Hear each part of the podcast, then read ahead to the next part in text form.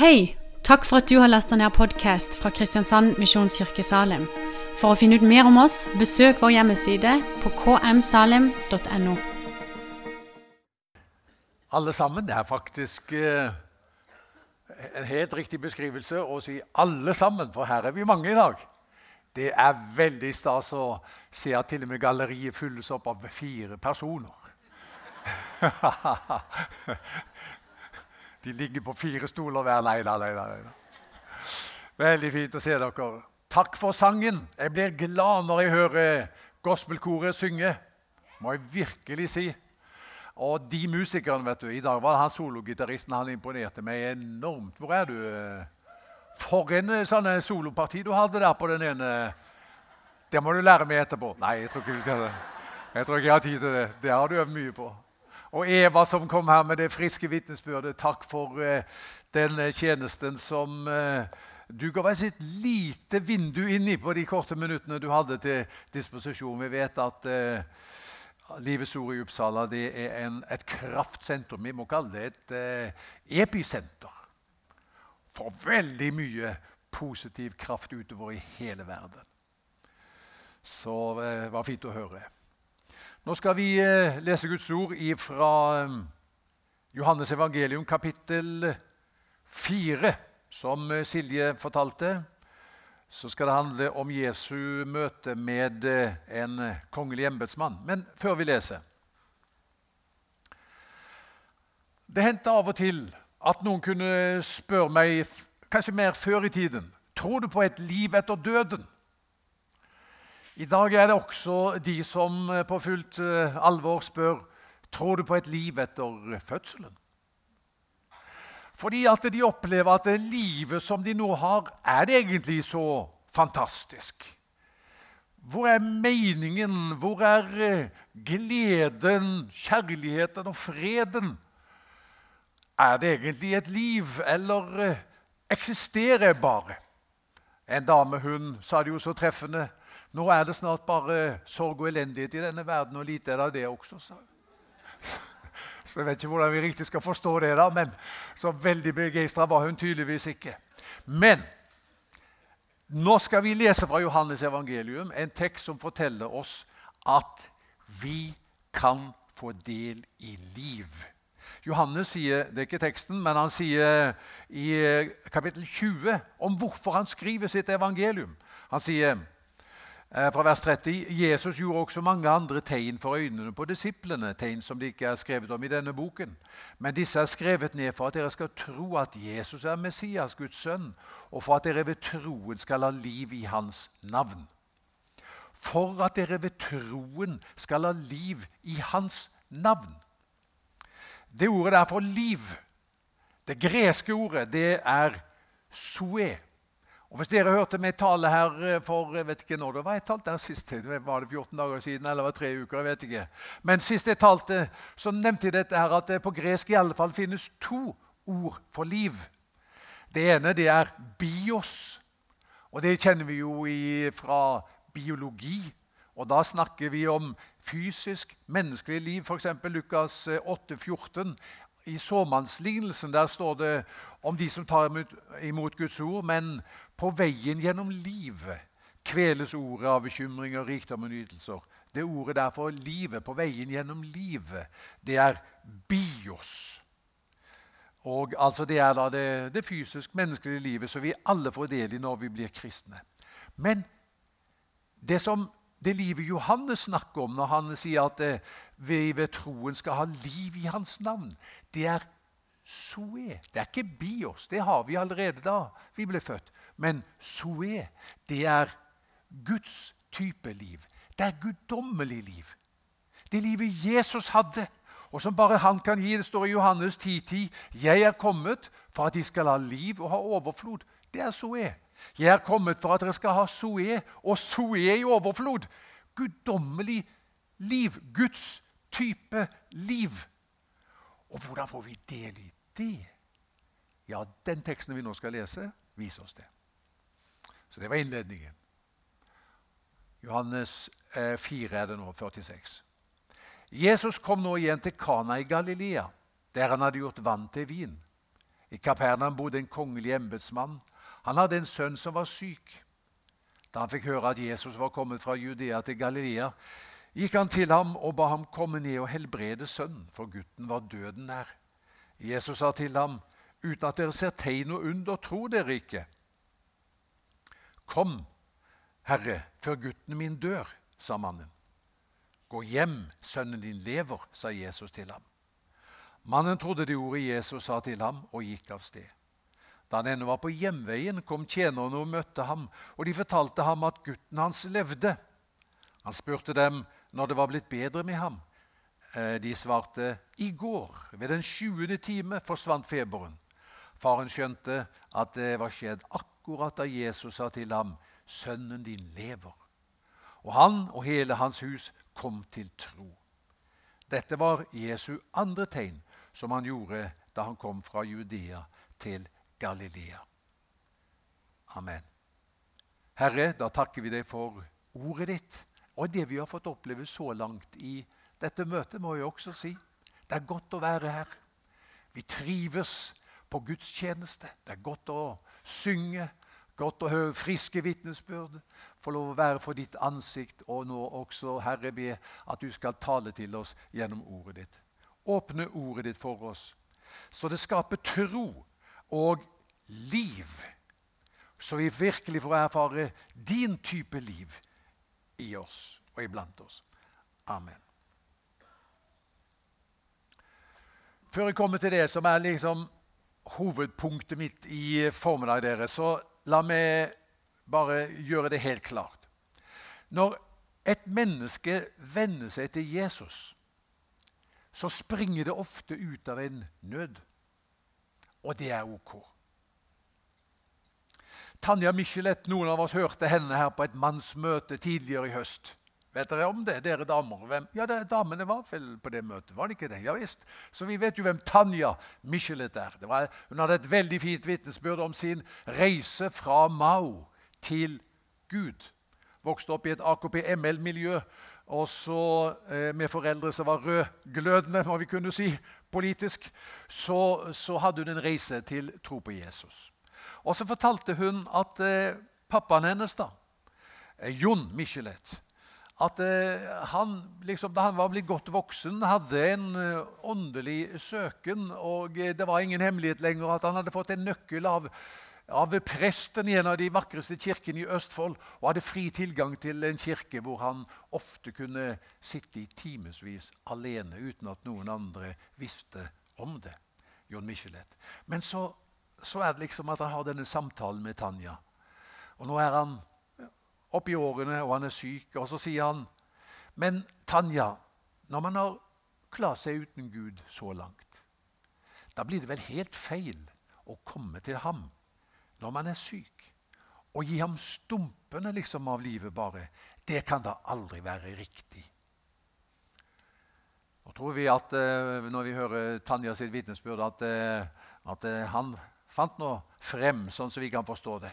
Men den spørsmålsstillingen Nå når jeg har liksom hatt det greit i livet, da, da, har jeg klart meg uten Gud. Men når jeg har det vanskelig, er det ok å komme til Gud da? Og da sier denne fortellingen veldig tydelig det er ok. Nå virket jo Jesus litt avvisende, for det første han sier til ham, vet du, det er eh, han sier uten at dere ser tegn og under, tror dere ikke. Hm, så det virker jo liksom ikke som at han var så velkommen. Men det var han. Men Jesus sier du sikter for lavt. Jeg vil så mye mer for deg og dine enn bare å helbrede gutten din. Og Derfor er det at han eh, svarer ham på den måten. For det som ikke den kongelige embetsmannen skjønte, det var at han selv trengte helbredelse. Han trengte å få del i Guds type liv. Zoe. Og det trengte familien hans òg.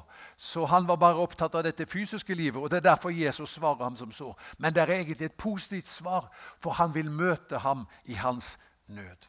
Og Det er jo mange eksempler dere, i Bibelen på at det er nøden som har drevet mennesker til Gud. Husker du lignelsen om den bortkomne sønnen? Faren som hadde to sønner, den yngste sier, Far, kan jeg få den delen av arven som tilfaller meg? Ja, faren deler arven mellom dem, og den yngste sønnen han drar ut i livet. Og så, og så blir det jo da et eh, vilt liv med pik og vin og sang, hvis vi forstår det riktig fra teksten. Og eh, så blir det slutt på pengene, og så står det i Lukas 15. Da han hadde satt alt over styr, kom det en svær hungersnød over landet, og han begynte å lide nød. Da kom han til seg selv. Jeg vil bryte opp og gå til min far og si, 'Far, jeg har syndet.' 'Jeg fortjener ikke lenger å være sønnen din, men la meg få være som en av leiekarene dine.'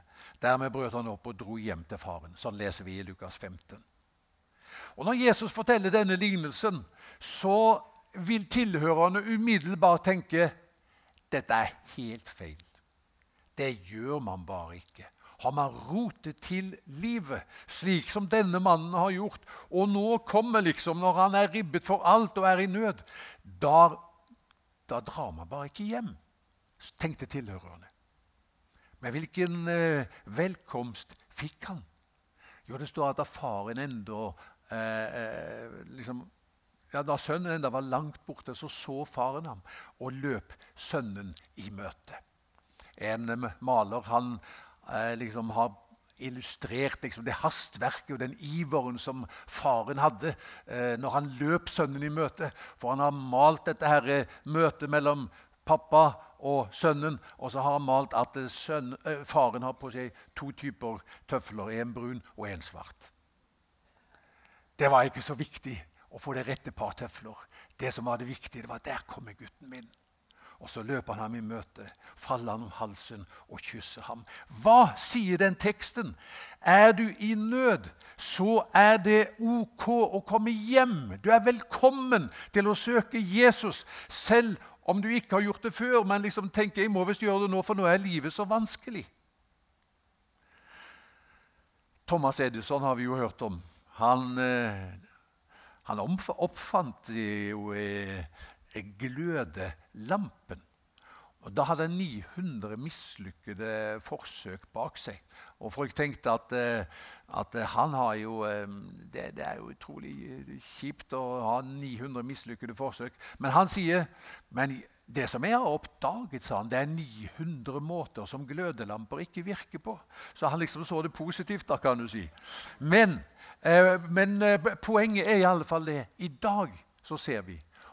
Eva, som du sier, jeg tror på det du sier, at den beste tiden ligger foran oss. Fordi det som menneskene i dag oppdag, har oppdaget De har oppdaget 900 måter livet ikke virker på. Ikke sant? Jeg får ikke livet til å virke. Er det noen som meg, kan fortelle meg hvordan livet kan virke?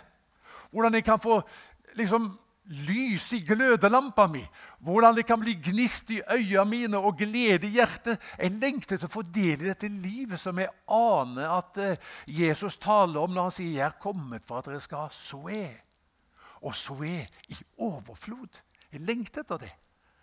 Og Hvis det da er nøden som driver deg, så er du altså så velkommen.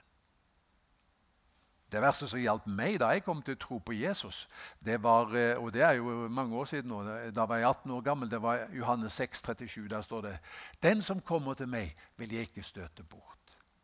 Det sto ikke noe der om på hvilken måte man kom, hva som var motivasjonen eller drivkraften, om du hadde tvil eller ikke tvil, stor tro, liten tro, nød eller ikke nød. Det er ikke det interessante. Den som kommer, det er det viktige vil jeg ikke støte bort. Ok, Så det, det, er det. Så var det punkt nummer to, og det er hovedpunktet her, skjønner du. Og det er det når du søker Jesus, så må du la ham svare deg på sine egne premisser. Det er essensielt. Faktisk Enten man er en søkende som skal finne fram til tro på Jesus for første gang, eller man har vært en kristen i mange år og det er noe man ber om. La Jesus svare deg på sine egne premisser. Nemlig så skjønner vi at eh, embetsmannen her han hadde klare forestillinger eh, selv om hvordan Jesus skulle handle. For han sier til Jesus eh, Han ba ham komme ned og helbrede sønnen. Og Så svarer Jesus ham uten at dere ser tegn under, tror dere ikke. Det har vi vært innom. Og så sier han en gang til, Kom, Herre, før gutten min dør, sa mannen. Så han hadde klare forestillinger om hvordan Jesus skulle svare på denne bønnen. Han skulle bli med ham fra der han var, og så til hjemstedet. Og så antagelig så, så han for seg hvordan Jesus skulle legge hendene på ham, og så skulle han bli helbredet. Og disse forestillingene som han hadde om hvordan Gud skulle handle, det ble noen potensielle snubletråder i det som Jesus ville gjøre for ham. Fordi Jesus lar seg ikke nødvendigvis passe inn i våre forutinntatte liksom, eh, forestillinger om hvordan han skal svare på bønn. Det minner meg jo om en annen fortelling i Bibelen. Og eh, Da skal jeg bare ta med litt vann her, kjenner jeg mens jeg forbereder dere på det. Nå var det noen flere som skulle ønske at de kunne få et glass vann. Jeg har ett her, da. Geir Åge?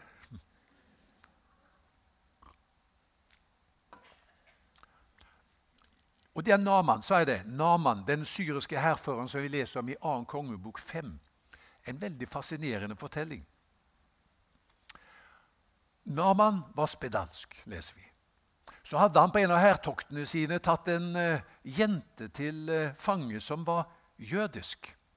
Og så var hun en tjenestejente der i familien. En dag så sier denne jenta til uh, kona til Naman Hvis bare min herre hadde vært hos profeten i Samaria, så hadde han blitt helbredet. Det som hun sier da, det er at jeg kan egentlig ikke hjelpe ham, men jeg vet om en som kan. Og Det er jo det som er vårt vitnesbyrd òg. Det skal du huske på. Det er mange situasjoner at, som vi står overfor at vi kan si vet du hva, jeg kan egentlig ikke gjøre så veldig mye for det, men jeg vet om en som kan. Klart? Det var hennes vitnesbyrd her, denne jenta. Hadde han bare vært hos profeten i Samaria? Vel, Naman han hører på dette, så tenker han jeg får ta så agere, jeg får handle. Så han eh, drar til profeten i Samaria og har med seg et stort følge. Skal du høre? Nå leser jeg fra 2. kongebok 5 vers 9. Jeg tror vi har teksten på veggen nå. Så kom da Naman med hester og vogner og stanset ved døren til Elishas hus.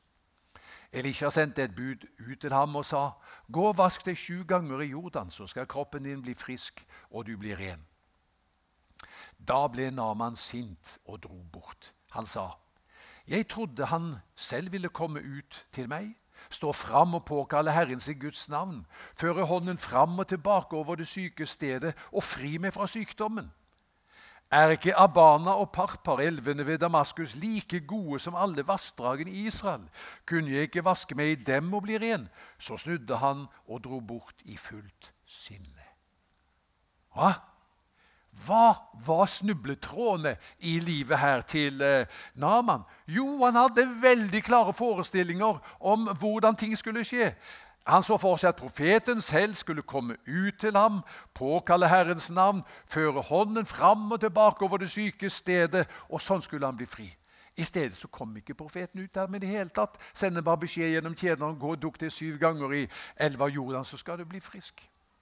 Så dette her, det blir så vanskelig for ham at han sa dette her gidder ikke altså, det bare, dette funker ikke i det hele tatt. Så han skulle dra hjem. Så er det tjenerne som sier til ham Naman, hvis han hadde bedt deg om noe vanskelig, da hadde du gjort det. Men han ber deg om noe enkelt. Dukk deg syv ganger i elven Jordan. Det er jo ikke så vanskelig. Du kan iallfall prøve det. Og så lot han seg overtale. Og så dukka han seg i elven. Én, to, tre, fire, fem, seks. Ingen forandring. Syvende gang han liksom bryter ut av vannflaten igjen. Helbredet. Heldigvis at han handlet på det som profeten hadde sagt, og, og ikke lot disse forutinntatte forestillingene om hvordan det skulle skje, til syvende og sist hindre ham så han dro hjem med uforrettet sak. Og vi er ikke så annerledes, vi heller, enn den kongelige embetsmannen og, og Naman, som vi leste her. For også vi kan ha våre forestillinger om hvordan Gud skal svare på våre bønner, og hvordan han skal gripe inn. Jeg husker For mange år siden så hadde jeg en møteuke et sted i Norge, får jeg si. Uh, og uh, På slutten av uh, et av møtene så var det en ungdom som ville bli en kristen. Vi hadde hatt møter over lang tid, og det var ingen respons. Og her var det en som ville bli en kristen. og vi, Jeg hadde en samtale med han etter møtet. Det var jo en stor opplevelse. Jeg husker jeg leste Guds ord for ham fra Johannes 1,12. Der står det alle som tok imot ham, dem gav han rett til å bli Guds barn. De som tror på hans navn. Så ba jeg en bønn for ham. Og så, når jeg hadde bedt, så ser han på meg, og så sier han, 'Geir, ja, si. Jeg ble ikke frelst, jeg, sa 'Å, si, ble du ikke frelst?' Nei. Nei, nei, da får vi be en gang til, da. Så jeg ba en gang til. Og da skal jeg love deg bare en lang bønn. Og når jeg hadde bedt ferdig, så kikket jeg på han, og han kikket på meg, og så sa han, 'Geir, ja', sa jeg. Jeg ble ikke frelst nå heller. Jeg Hva gjør man nå? Nå har jeg lest Guds ord for ham, og så har jeg bedt to ganger for ham, og han mener han ble ikke frelst. Jeg kjente at jeg ble litt stressa, for det, jeg ville jo så gjerne hjelpe han liksom, til tro. Og så, og så her er det at liksom, det er et eller annet som vi støter an på, som ikke eh, helt var klar over. Men så tar jeg dette skriftstedet en gang til. Ok, sa jeg. Vi må lese. Hva står det her i Johannes 1,12? Her står det Alle ja, Leste du, sa jeg til ham. Kan du være grei? Ja, så han leste. Alle som tok imot ham, dem gav han rett til å bli Guds barn, de som tror på hans navn. Så sa jeg til ham, men hva er det du har gjort nå, da? Når vi har bedt, hva er det du har gjort da? Så sier han, da kikka på skriftstedet en stund til, sier han. Jeg har tatt imot ham, sa han. Da ante jeg håp. Da sa jeg til han, men hva står det der at du er blitt av, da? Så var det stilt lenge. Så ser han på meg. Og så kan jeg se på øynene hans at nå er det både julaften og 17. mai på én gang. Jeg er blitt Guds barn, sa han. Jeg er blitt Guds barn. Hva var det han ventet på? Hvilke forestillinger var det han hadde liksom, før vi liksom, samtalte, leste Guds ord og ba sammen, som gjorde at når jeg hadde bedt, så sa han jeg ble ikke frelst? Hvilke forestillinger var det? Hva tror du? Kanskje han tenkte han skulle føle en slags fred? Eller en glede? Eller kanskje han til og med hadde en slags hemmelig forestilling om at han skulle se en engel, eller kanskje noe ly? Jeg har ikke peiling, rett og slett.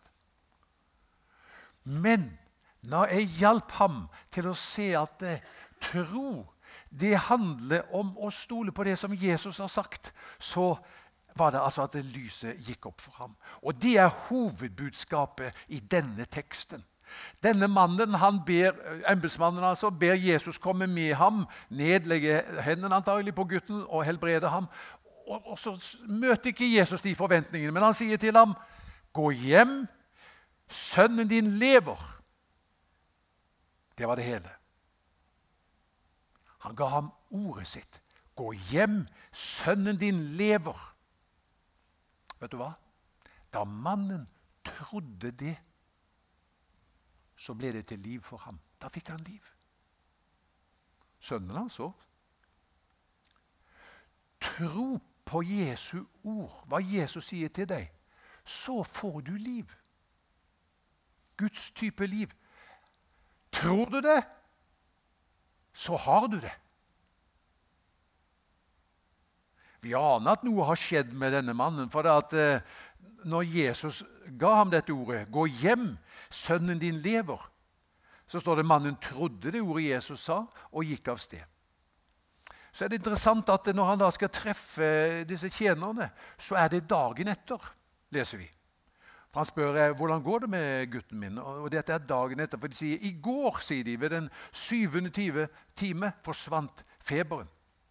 Hvis vi studerer geografien, så er eh, avstanden fra A til B i dette tilfellet ikke lang. Det er snakk om en kort reise. Slik at han hadde hatt veldig god tid til å gå hjem samme dag. Og møte tjenerne og liksom sjekke ut tilstanden samme dag. Men han stresser ikke lenger. Vi leser i de første versene hvordan han er veldig stresset. For Han sier, 'Du må komme ned og helbrede sønnen min, for han er døden nær.' Og Så svarer Jesus ham litt sånn korrigerende, og så sier han, 'Ja, men kom, Herre, før gutten min dør.' Og når Jesus sier til ham, 'Gå hjem, sønnen din lever, så faller han til ro. På meg virker det som at han tok innom eh, på et hotell på veien hjem. Hadde seg en god middag. Står ikke akkurat, men hvis vi leser godt mellom linjene, så tror jeg at han bestilte biff og bearnés. For Jesus hadde sagt, 'Gå hjem, sønnen din lever'. Når du tror Jesu ord, så får du liv. Når Jesus sier til deg 'Den som kommer til meg, vil jeg ikke støte bort', og du tror på det Sånn var det for meg. Da fikk jeg liv. Når Jesus sier 'alle som tok imot ham, dem ga han rett til å bli Guds barn', og du tror på det, så får du liv. Når Jesus sier 'se, jeg står for døren og banker', om noen hører min røst og åpner døren, da vil jeg gå inn til ham og holde måltid, jeg med han og han med meg. Og du tror på det, så får du liv. Når Jesus sier i 1. Johannes brev dersom vi bekjenner våre synder, er Han trofast og rettferdig, så Han tilgir oss syndene og renser oss for all urett. Og du tror på det, så får du liv. Han hadde ikke noe annet å støtte seg til enn en Jesu ord. Og sånn er det for deg og meg også. Og når vi tror på det, så får vi liv. Og da snakker vi om Zoe.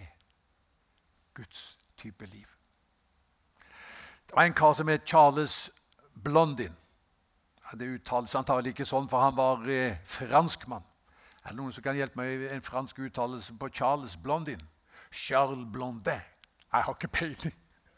Men i alle fall, hvis, han, hvis det var engelsk Charles Blondin. Og han var, altså Fransk levde på 1800-tallet. Han var en celebrity i sin eh, samtid. Han gikk over Niagarafossen mange ganger på stram line.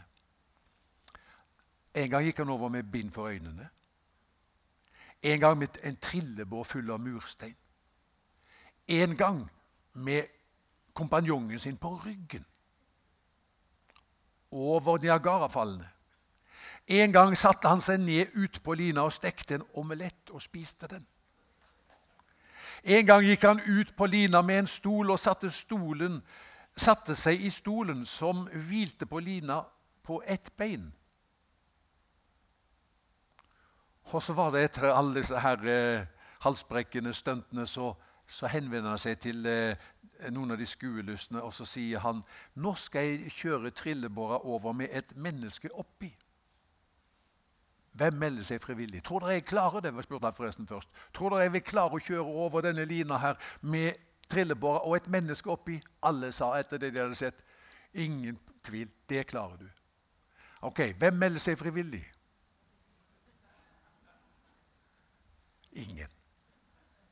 Ingen ville være med han på denne reisen. der. Det embetsmannen gjør når Jesus sier til ham 'Gå hjem, sønnen din lever', da setter han seg opp i den trillebåra som dette bibelordet, dette gudsordet, representerer. Og så stoler han på at det som Jesus har sagt, det bærer. Det er nok for meg. Og da blir det til liv. Og Det er det Johannes sier. Det er derfor jeg skriver også dette tegnet. For at jeg skal tro at Jesus er Messias, og at dere ved troen på ham skal få liv i hans navn.